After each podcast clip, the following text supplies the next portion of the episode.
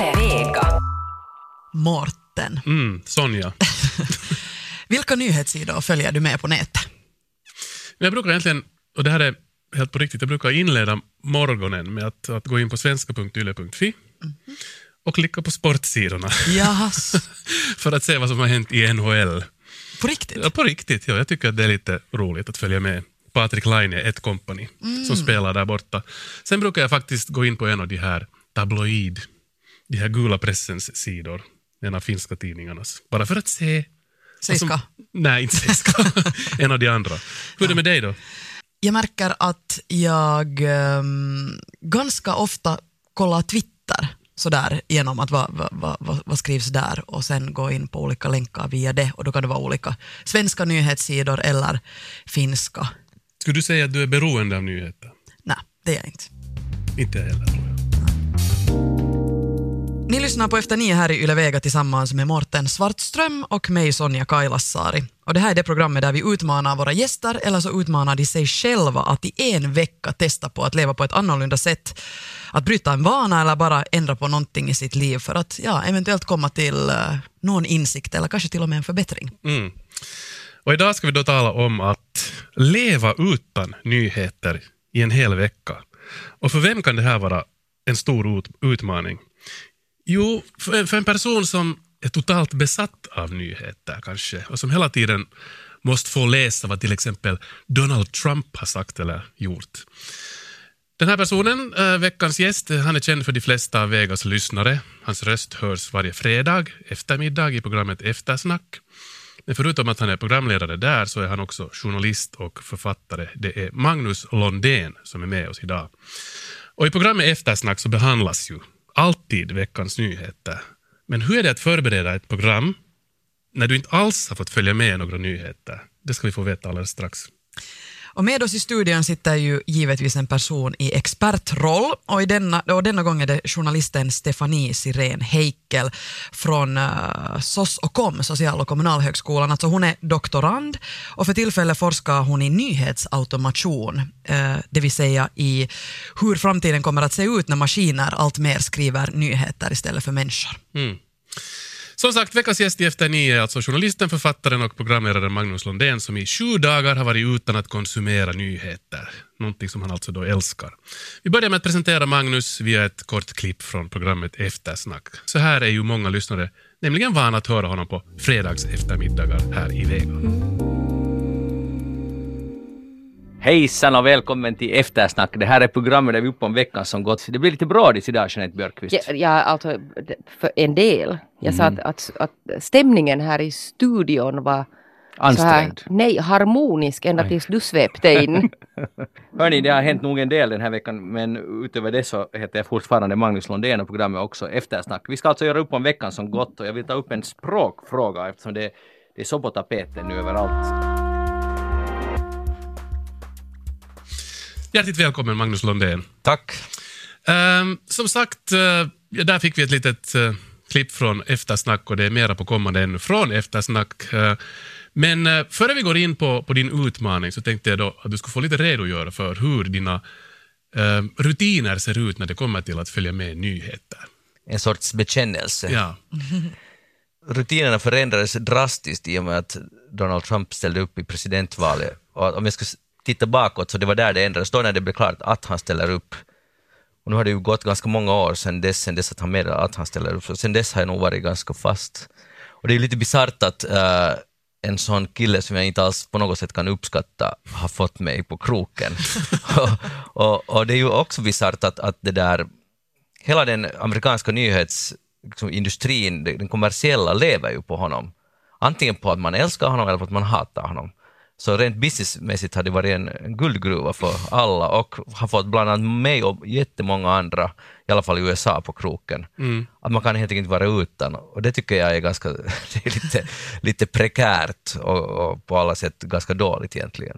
Men, men är det bara han? Nej, inte det bara han, men han är ett symptom, eller han är en sån där, den där katalysatorn kanske. Uh, uh, på morgonen så, förut så läste jag bara papperstidningen, och, men kanske för ett år sedan så ändrades det, att jag började titta också på något Twitter lite. Jag har ingen smartphone så att jag kan inte se på några nyheter där. Va? På nej, nej, det, och det är tur, tur det att jag inte har. Men att jag tittar på datorn lite olika nyheter, USA, Europa och lite Ryssland och sånt här. Och Yle förstås och alla andra. Och under dagens lopp kollar jag alltid regelbundet, vad har nu hänt, vad har nu hänt? Så att, och, och före jag går, släcker så det är nu antingen en bok eller sen nyheter som jag checkar. Hurdana nyheter konsumerar du då just innan läggdags? No, det är just snabb, snabb checkat vad har Donald Trump nu hittat på, för det är den här tidsskillnaden som gör det så Ja. spännande. Att när jag går och sover så då börjar de komma igång där. Så det, det finns alltid någonting man kan hitta, att, det, att det ska vara orsak att checka det här. Så det, det är ju inte riktigt friskt. Mm. om man är ärlig. Uh, men, men nu följer jag ju med finsk inrikespolitik mycket också. Och sen just för eftersnack så måste jag och vill hitta de där udda nyheterna. Så att jag har massa olika sajter som jag kollar hela tiden. För att hitta saker som inte de flesta hittar så det är normalt, som, är- som en vanliga nyhetskonsumenter, att eh, läsa en eller två gånger per dag någonting, utan jag vill hitta något mera udda. Har du någonsin gjort en, en grov uppskattning på hur mycket du konsumerar nyheter per dag? Eller du går in på datorn och kollar? I tid menar du? Ja. Alltså det, är- det är faktiskt inte så, eh, jag tror jag visst det är så extremt mycket, för det går ganska snabbt, det är så här ganska snabbt att checka, men klart det blir, nu, nu har jag märkt den här, vi kan komma tillbaka till det, men att, att nu ska jag ju ha mycket mer fritid så att säga, om jag inte skulle checka några nyheter alls. Men inte kan jag säga, jag vill inte, vill inte ens veta egentligen. Eh, för mycket säkert. Men sen samtidigt tror jag att i och med att du inte äger en smartphone Mm. så, så är, är din konsumtion säkert ändå mer sansad än många annans som hela tiden tittar på telefonen och följer med det helt nyaste. Ja, för jag har inte alls det där. Eh, och det är, jätte, alltså det är helt medvetet jag inte smak, jag, för jag vet att jag skulle bli likadan och ännu värre om jag skulle ha en smartphone, eh, smarttelefon, att jag skulle hålla på varje gång jag åker buss eller spårvagn eller har en, ledig stund så skulle jag titta på den skärmen. Och det tycker jag är en ganska farlig väg att gå. Man måste ju se liksom sin värld om, omkring sig också och på något sätt ens vara lite närvarande. Så det är helt med, helt med flit jag inte har den och tänker aldrig skaffa en så länge det går att vara utan den. Är du på Facebook? Ja. Ser du, det, är- det, är ju, det är ju ganska sunt då, Mm. på ett sätt. Där försvinner ju... Men men så det, jag, jag luras lite, att jag, jag är det där, jag sköter eftersnacks Facebook-sida, det gör jag via min fru då, profil, så att och hon är hemskt snäll att hon låter mig göra det. Just det. Men inte, inte är jag där och läser vad någon annan skriver, jag sköter nu det eftersnacks, men nu är jag på det sättet att jag vet hur det funkar och sådär. Det var ju din eh, fru också som lite tipsade om det här, att hon tycker att du är ganska mycket på nätet och kollar. Ha, har du fått kommentarer, har, har någon någonsin sagt åt dig att ditt beteende på något sätt skulle vara osunt? Eller du är beroende? Nej, nu vet jag ju själv att det är lite beroende. Att Det, nu har hon säkert sagt, hon är ju en ganska snäll person, men att det där, nu tycker hon ju att nu skulle det vara kanske dags att stänga den där laptopen. På Det är ju helt berättigat. Ja. Och orsaken varför du ville anta den här utmaningen då? Äh, jag tycker alltid om utmaningar och jag tycker att alla borde syssla med att man borde tänka att vad är man beroende av eller vad gör man för mycket av och försöka på ärligt liksom granska det och sen checka att klarar man att vara utan det. Om inte man klarar det så då vet man ju att man är beroende, då är man ju på riktigt ner, djupt nere i kärret. Så jag testade på många olika saker. Äh, jag var utan alkohol här en månad, det var nu urenkelt, det var faktiskt det var bara trevligt. Äh, sen var jag, jag är alltid vegetarian en månad i år. Det är också jättebra och lätt. Och så jag vill hitta något svårare, utan godis just nu mest för att, ett halvt år, mest för att sympatisera med min son som kämpar med det här, men för mig, det var nog inte så svårt. Inte man ju, eller många, som vuxen tycker jag inte att man, de flesta är väl inte beroende av godis, så tycker jag inte det har varit något svårt det heller. Så jag vill hitta något mera. Att, va- Jag tror att det är bra för alla, jag skulle uppmana alla, att, det, behöver, det är ju inte nyhet, att någon annan kan vara beroende av något annat, att, att, att ta det modiga steget och, och, och checka det. det. Det lönar sig. För man får jättemycket insikter. Och det är de vi vill höra om idag.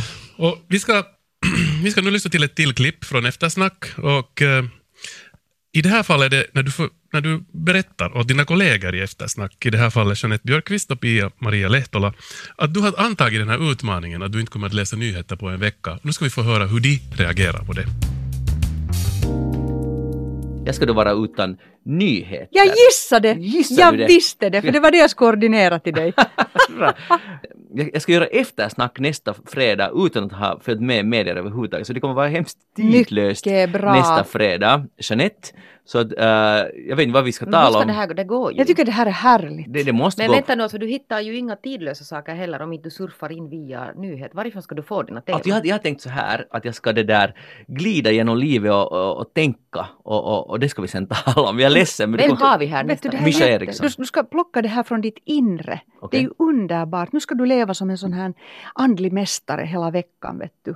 du ska ta intryck från naturen, från ditt undermedvetna. Du ska Mm. vara väldigt modig i den här sändningen. Alltså jag känner så att vi borde ha haft Pia-Maria också Jag med. vet, det var nu riktigt dåligt planerat. Nej, nej, det var inte dåligt för att jag, jag, vill, jag, jag vill ha en sån här inför och Ja. goda råd. Ja, För att det blir inte så Okej. lätt, Jeanette, jag tror att du kan förstå att det Jag inte blir förstår så verkligen lätt. att det är omöjligt. Det är nästan omöjligt. Och jag har nu stängt av eh, alla såna notiser jag får från New York Times och Washington Post. Och Alltså så från när har det här börjat? Det börjar från och med, alltså om några minuter, när Jag det här det här är eftersnacket är slut, så en vecka framåt. Herregud. Alltså det kommer att vara en jättestor skillnad. Du kommer, alltså jag, jag är verkligen intresserad av att höra hur din kreativitet har utvecklats. Jag hoppas, den Du kommer att bli en uppfinnare.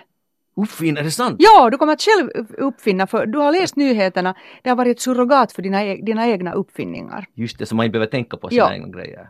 Det är det. Vad bra. Och jag får Mm. ju inte läsa då Husis eller några andra tidningar. Men inte- alltså det här är ju helt fruktansvärt. Det är ganska... Jag tycker det är härligt. Alltså, det herregud, här är jag det bästa. Jag har väntat på det i flera år. Det här, Jag skulle aldrig ha gått med på något sånt. här. Okej Jeanette, du, du säger att du skulle inte klara det Nej, helt Good luck hör du. Tack så hemskt mycket. Här, här finns nu delade åsikter. Pia-Maria säger att jag kommer bli en uppfinnare och Jeanette tycker bara synd om mig. Alltså jag bara på något sätt ser framför mig vad som kommer. Vilket vrak som möter oss nästa vecka. Jag tror tvärtom att han kommer att vara som en promenerande Buddha. Det var alltså ett klipp från Eftersnack, för ni lyssnar inte nu på Eftersnack, ni lyssnar på Efter nio här i Radio Vega tillsammans med, med Sonja Kailasari och med mig Mårten Svartström. Och vi sitter här tillsammans med Magnus Londén som alltså då har tag, antagit den här utmaningen att inte läsa nyheter på en hel vecka. Ljuvliga reaktioner från både Pia-Maria Lehtola och Jeanette Björkqvist, helt av olika åsikt. Och vi måste ju berätta för våra lyssnare att när, ni nu, när vi nu sitter här i Efter nio studio så är det torsdag. Och eh, du ska ha ditt nyhetsfria eftersnack imorgon. Ska du köra en livesändning. Och hur har du nu då förberett? Har du varit helt totalt utan nyheter hela den här veckan?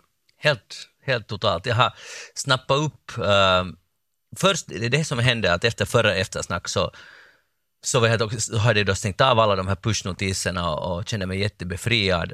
Och sen var jag inne på Twitter. Alltså det gick fem minuter och så glömde jag. Det påminner mig om det när jag skulle vara vegetarian. Så på första dagen så plötsligt hade jag en lihis i min mun. Och så var jag helt, så måste jag spotta ut. Vad har jag i munnen? Du spottar ut Jag spottade ut, jag var med min son på Hagnäs hall och så var jag vad sysslar du med? Så här, jag är vegetarian. Och sen samma hände med, varje gång jag haft, ja när jag hade godisdäck så var det också på första dagen så plötsligt hade jag en salmiak i munnen. Man, och det är jättebra för att sen inser man att det är på riktigt, nu måste jag skärpa mig. Och, och samma hände nu att jag direkt, att jag hade bestämt nu, nu är jag utan. Och sen fem minuter sen var jag inne på Twitter och läste nyheter. Jag förstår inte hur, hur gick det till liksom. Så var jag där inne och läste och så twittrade jag till och med någon upprörande nyhet eh, som jag läste där. Och då insåg jag att Ah, ja, det bröt ju just den där, den där nyhetsfastan. Så- Men efter det har det varit. Så jag har sett på en löpsedel i, butiken så jag att sillampor med stora versaler och det såg jag faktiskt igår igen. Så det måste vara någon, någon långkörare på gång. Och det är det enda jag vet. Ut, utöver det tror jag inte jag har sett någon, vet någonting överhuvudtaget. Ja, Du har riktigt gått med lappar framför ögonen Ja. och undvikit löpina eller f- f- första sidorna. Och ingen har sagt något mer, så jag antar nästan att, att det inte har hänt något jättestort. Men Jeanette Björkqvist, då, min kära kollega, så hon textade mig igår att fråga att "Nå, hur går det i nyhetstorkan? Och så skrev hon hehehe. Och då fick jag lite panik, att, vad händer det något nu? Och så skrev jag att det går jättebra, det är lugnt och härligt. Och så skrev hon tillbaka hehehe.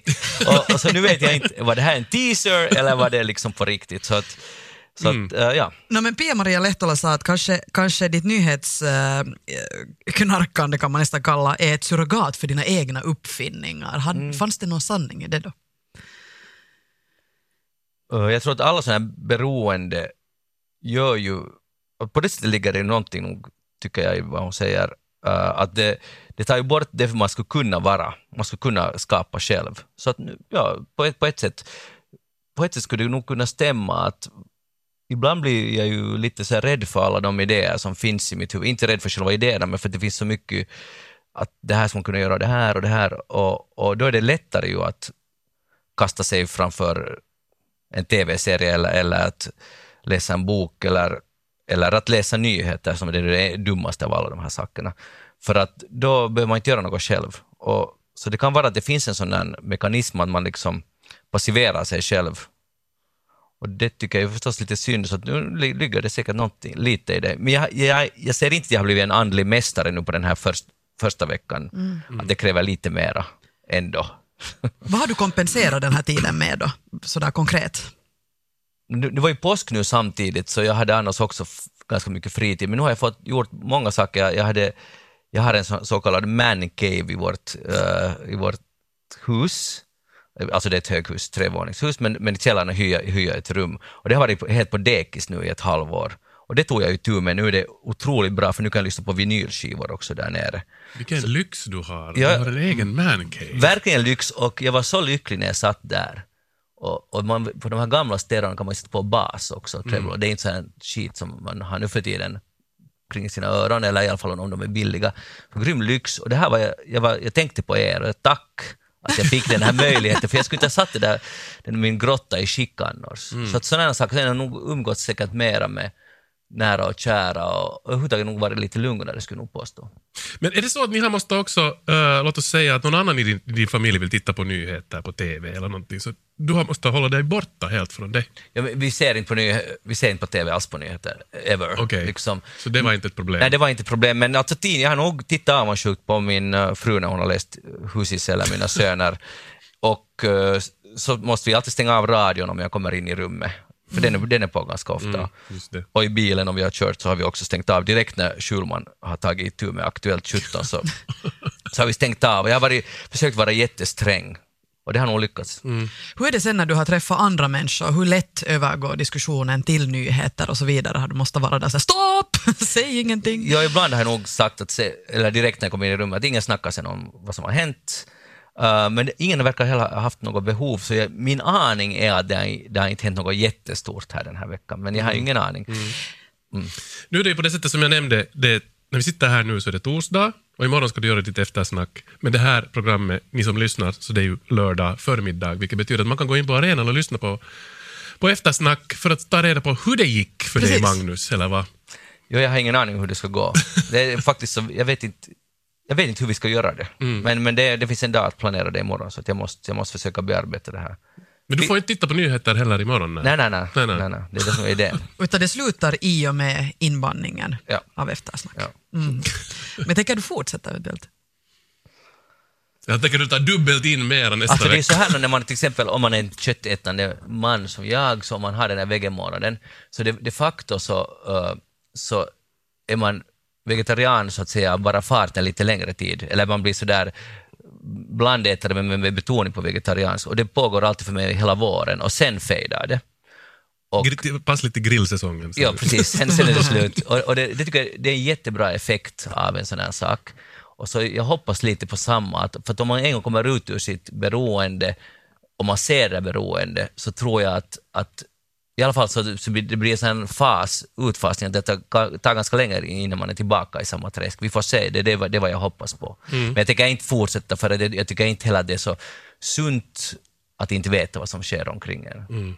Speciellt i ditt arbete. Nej, det är hemskt dåligt där. ja. Men vi, vi ska gå in lite på det här hur, hur hela nyhets... Uh, nyhetsmiljön ser ut för tillfället eftersom eh, vi får in hit Stefanie Sirén Heikel från, eh, som är doktorand på Social och kommunalhögskolan. Hon är också journalist och har, har forskat mycket nu, eller har börjat undersöka det här hur eh, det blir i framtiden när allt mer maskiner skriver nyheter och, och, det kommer ju hela tiden mer och mm. mer ut på nätet.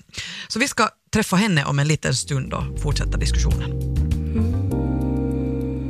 Hjärtligt välkommen journalist Stefanie Sirén Heikel. Hej. Du forskar för tillfället i nyhetsautomation. Före vi ska gå in på Magnus utmaning och så vidare, vill du berätta lite Ja. närmare om det? Alltså jag är med i ett sånt här forskningsprojekt där vi då granskar hur eh, nyhetsautomation kan utvecklas hur man i framtiden eventuellt kan liksom maskinmetoder för att producera texter från, från stora mängder data. Det vill säga vi har till exempel nu utvecklat en maskin som kallas för Valtteri som har då tittat på valresultat och skrivit nyheter från valresultat. Och jämfört dem med hur journalister ska skriva de texterna och liksom den forskningsvägen kolla på att hur kan man göra det här och hur kan det påverka journalistik och nyhetsmedier och också oss som, som nyhetskonsumenter. Precis. Nå, du har suttit och lyssnat på Magnus utmaning och hans eh, förhållningar, eller förhållning till nyheter. Va, vilka reaktioner väckte det hos dig? No, alltså jag tycker att det här ditt test är helt fantastiskt. Det var en helt sjukt bra idé. Jag tror att Jeanette, hon borde... Jag, jag tror inte att hon skulle klara det lika bra som du har gjort. Vad tror du själv? Inte skulle hon klara det. Det är klart hon inte skulle klara det.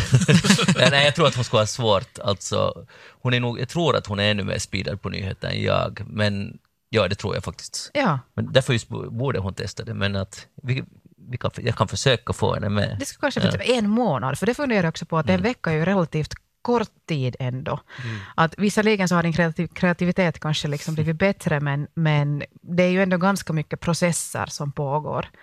Men det är intressant det där som du talar om, det här med att följa med just kvällsnyheter och kanske morgontidningar. Att jag just läste alltså om en New York Times-skribent som i två månaders tid nu enbart har följt med morgontidningar och vissa podcasts, sen har han vissa nyhets, nyhetsbrev, men, men ingenting på smarttelefoner, inga sociala medier, ingenting sånt.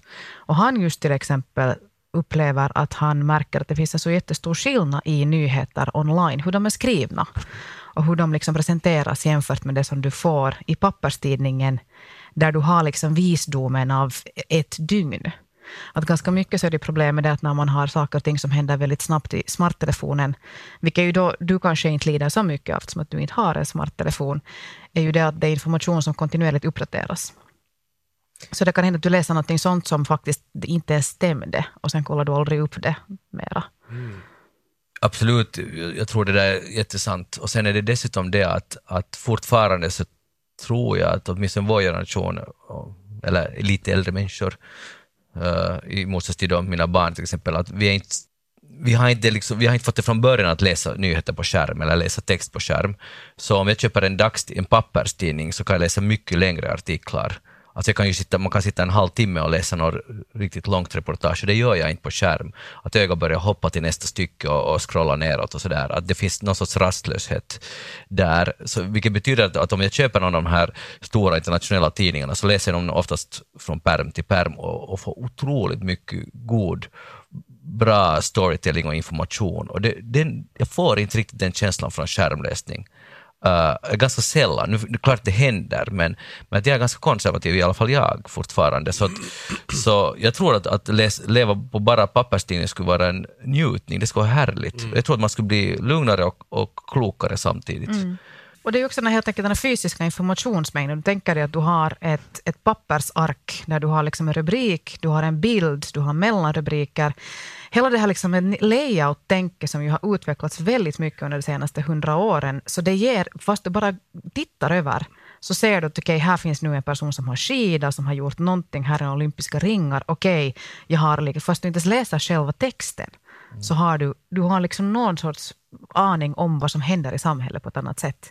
Att när du går in på en webbsida, så, så som webbsidor i alla fall i dagens läge är utvecklade, så är det relativt begränsat. Och också för att våra skärmar är ganska små, så vi helt enkelt kan inte ta in på samma sätt information som, som du gör om du tittar till exempel, då läser igenom en hel nyhetstext.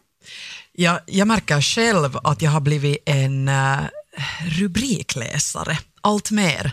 Att jag har liksom koll på bredden, vad som har hänt, men i rubrikform. Kanske inte så mycket fördjupningar. Och det är ju det som det lite blir när det där nyhetsflödet är så jätteaktivt och det hela tiden kommer mer och mer och mer. Så du har liksom koll, men egentligen har du inte alls. Men har det inte visat sig att, att det, de, de flesta, eller inte de flesta, men många människor som läser på webben nyheter, läser just rubriken och så blir de arga och kommenterar Ja. utan att läsa innehållet. Och, och, och det, det märks ganska tydligt. Jag vet, visar er forskning någonting? No, inte egentligen vår forskning, men det, men det här är något sånt som man ju nog märker alltså på sociala medier väldigt tydligt. Att till exempel det här med att du kan lägga upp en, en, eh, en grej om vargar i Österbotten till exempel på i en Facebook-sida eller Facebookgrupp. Och du kommer att få direkt en massa kommentarer som är baserade enbart på rubriken och bilden. Att, helt som du säger, så vi, oftast eftersom att vi i dagens läge också mer och mer måste kroka på emotioner för att tävlingen, där flödet är så jättemassivt, så måste vi tävla om uppmärksamhet och då är det liksom känslor är det som vi går med, för att det funkar. Och då betyder det ju just det att man reagerar förrän man egentligen vet vad man reagerar på. Så definitivt så, så, så händer det ju. Och, och jag menar, det här som du, Sonja också beskriver med att för mig till exempel så märker jag att jag lever ganska mycket på aviseringar på min mobiltelefon. På gott och ont. Um, samtidigt så drar de ju också in mig att läsa sen längre grejer. Och man har en känsla av att man har ett koll på läge i samhället. Men, men det, är ju inte, det är ju inte djup kunskap. Nej, och, och den är väldigt selektiv. Just att ah, no, det här intresserar mig, nu, nu går jag in. Och tidigare kanske man just i och med nyhets eller morgontidningen mera satt sig in i, i, i, i grejer som kanske man inte var så intresserad av. Ja, men, Men, får, ja. får jag inflika där att, att det där är absolut sant, för att aviseringar, jag tycker att det är som pesten, för att, för att det kommer och det stör allt man sysslar med och det är ständig avbrytning. Medan däremot om, om, om man, eh, för nu igen var liksom konservativ, uh, vilket inte alls stör mig i det här fallet, men att om man läser en papperstidning, en bra papperstidning, så läser man ju också sånt som ingen aviserar om. För det är det som är hela grejen med journalistik, att, att nu ska jag lära mig något som jag inte visste någonting om. Och den grejen försvinner med avisering, för det kommer bara sånt som du redan är intresserad av. Precis. Och de, de, de har, som de vet att du är intresserad av, för du har tidigare läst det.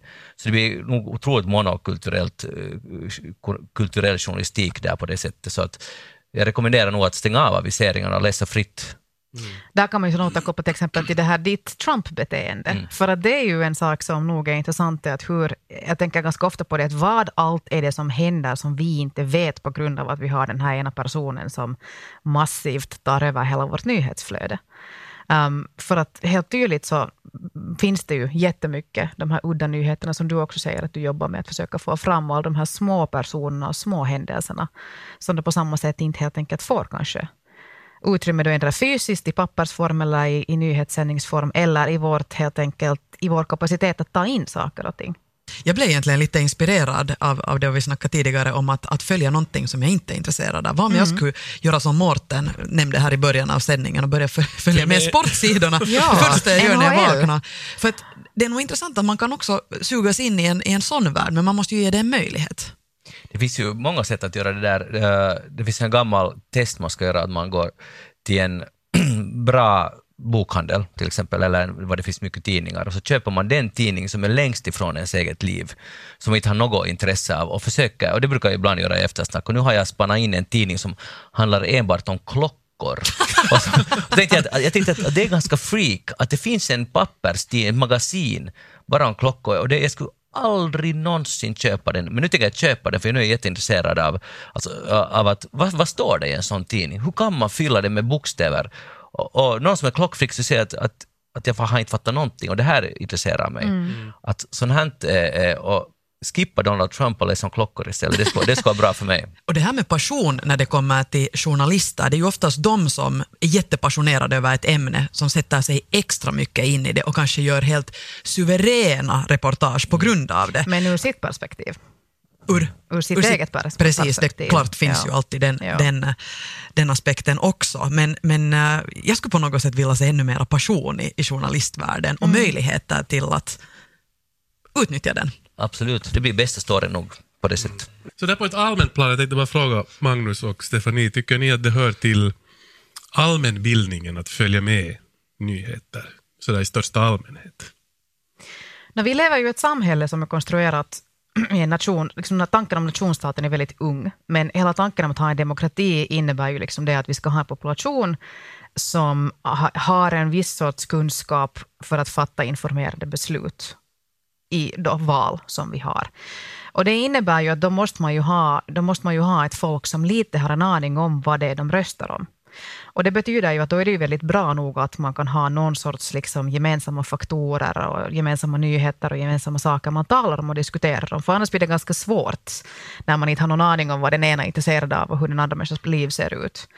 Um, men det här är något sånt som alltid har varit ett problem, att vi lever i olika bubblor, vi har liksom olika intressen, olika socioekonomisk bakgrund, vissa tycker om NHL, andra tycker om klockor. Och då måste man ju ha de här utrymmena där man kan dela och så att säga snacka sinsemellan och läsa om varandras intresse för att förstå varandra. Så du tycker inte att det har blivit värre än tidigare? För jag tänker också på, jag vill komma in på också på det där att, att speciellt på nätet så finns det så mycket, ursäkta uttrycket, skit som, som, som kommer i ditt flöde.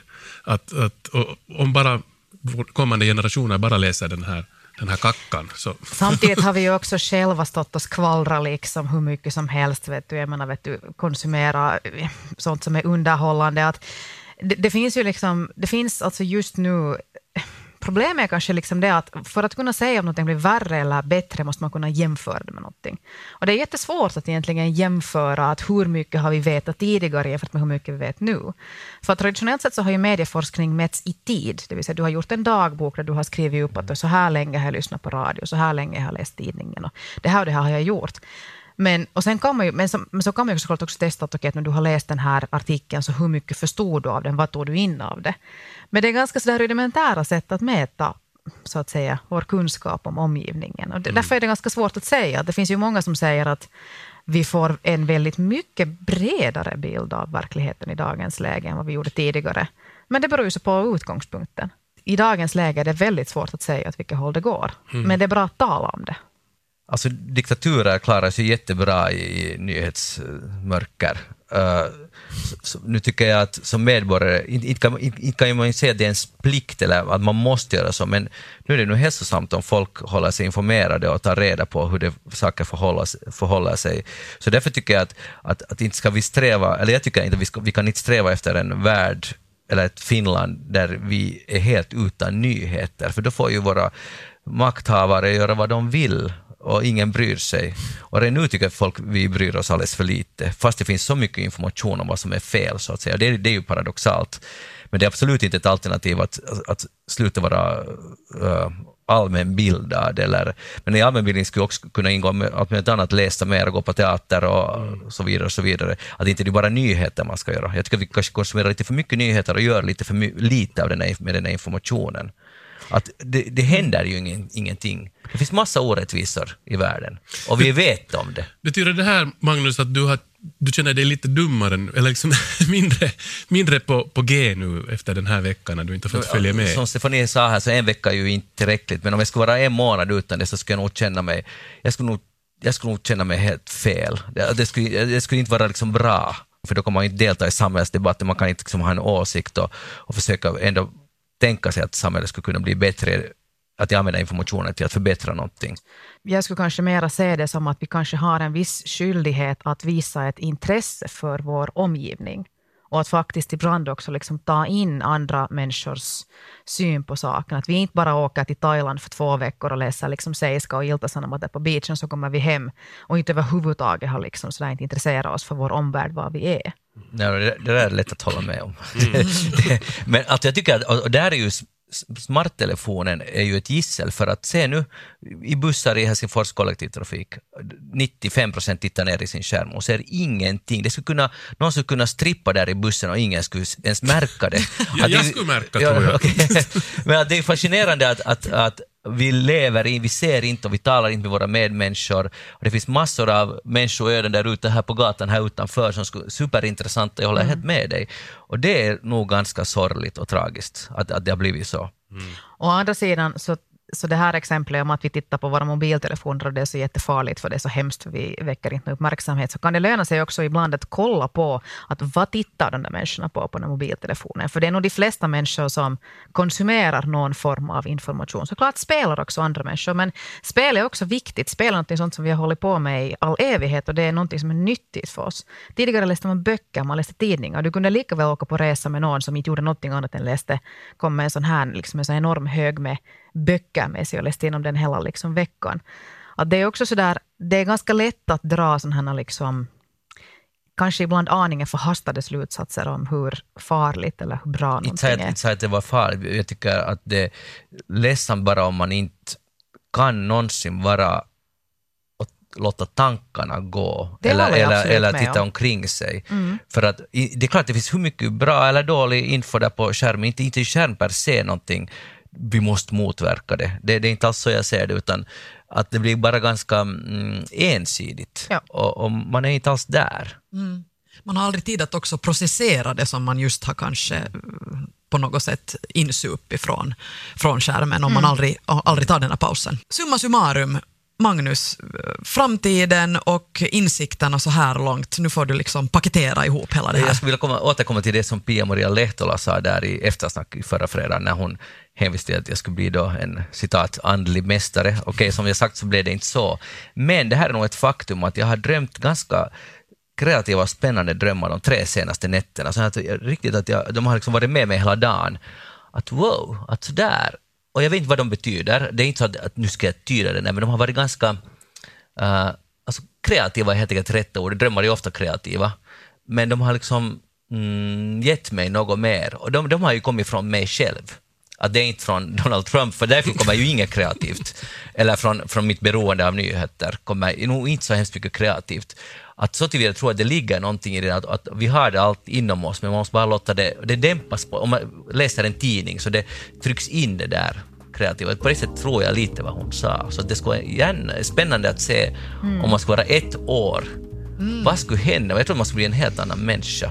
Jag säger inte det är bara bra, absolut inte, men, men, det- men det skulle vara en nog intressant ex experiment. Men det sägs ju att ingenting kreativt eller fantasin flödar ju inte om inte man i princip har tråkigt eller om det finns ett, ett vakuum av, av ingenting. Det är ju där fantasi börjar flöda eftersom den inte matas. Så, så det, det, är nog, det är nog en point där. Men lyssna ni lyssnare absolut på, på gårdagens eftersnack och, och, och se hur det gick för, för Magnus eh, under en vecka utan nyheter. Och att, att dra ett sånt program så är kanske lite annorlunda vid det skedet. Tack så, här. Tack, tack så mycket för det här. Tack, tack. Stefanie, Magnus, det här var intressanta diskussioner. Ja. Och vi ses, eller ses, vi hörs. Ja, vi ses på måndag, men vi hörs igen nästa vecka på lördag eh, med nya gäster och nya utmaningar.